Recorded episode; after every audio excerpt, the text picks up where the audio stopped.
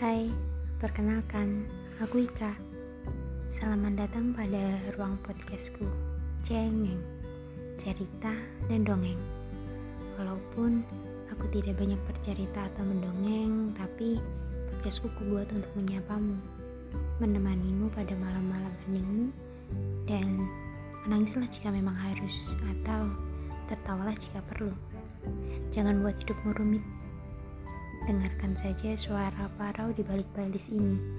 Aku sedang mencoba menghiburmu.